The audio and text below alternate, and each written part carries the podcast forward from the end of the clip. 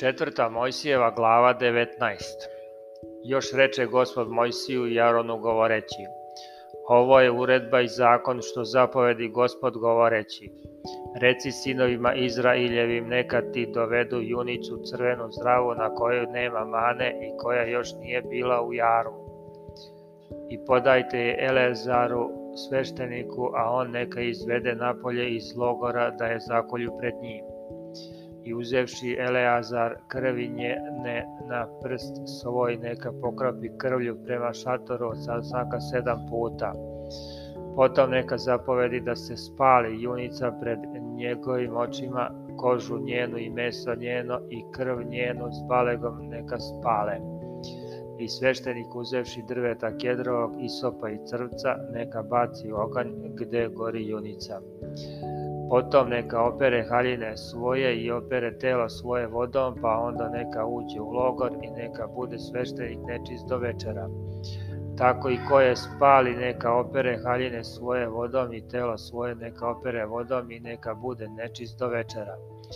a čist čovek neka pokupi pepe od junice i izruči ga iz, iza logora na čisto mesto da se čuva zboru sinova Izraeljevih za vodu očišćenja, to je žrtva za greh. I onaj koji pokupi pepe od junice neka opere haljine svoje i neka bude nečist do večera, to neka je sinovima Izraeljevim i došljaku koji se bavi među njima večan zakon Ko se dotakne mrtvog tela je eh, da je nečist sedam dana. On neka se očisti onom vodom treći dan i sedmi dan i bit će čist.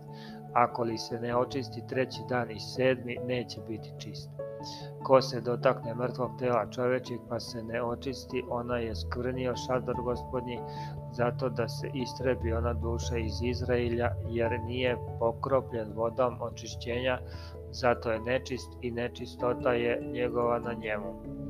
Ovo je zakon kad čovek umre u šatoru, kogod uđe u onaj šator i kogod bude u šatoru nečist da je sedam dana.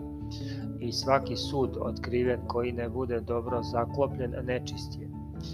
I ko se god dotakne u polju posvećenog mačem ili umrlog ili kosti čovečije ili groba nečist da je sedam dana I neka za nečistog uzmu pepela od junice spaljene za greh i neka naliju na vode žive u sud. Potom neka uzme čist čovjek isopa i zamoči u onu vodu i pokropi njom šator i sve sude i ljude koji su u njemu bili, tako i ono koji bi se dotakao kosti ili čovjeka posjećanog ili umrla ili groba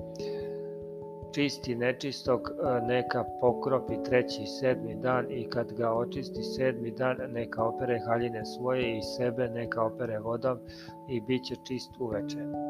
Ako bude nečist pa se ne očisti da se istrebi ona duša izbora jer je svetinju gospodnju oskvrnio a nije pokropljen vodom očišćenja nečistje.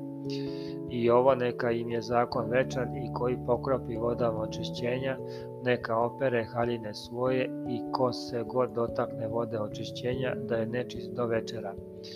i čega se god dotakne ko je nečist da je nečisto i ko se njega dotakne da je nečist do večera.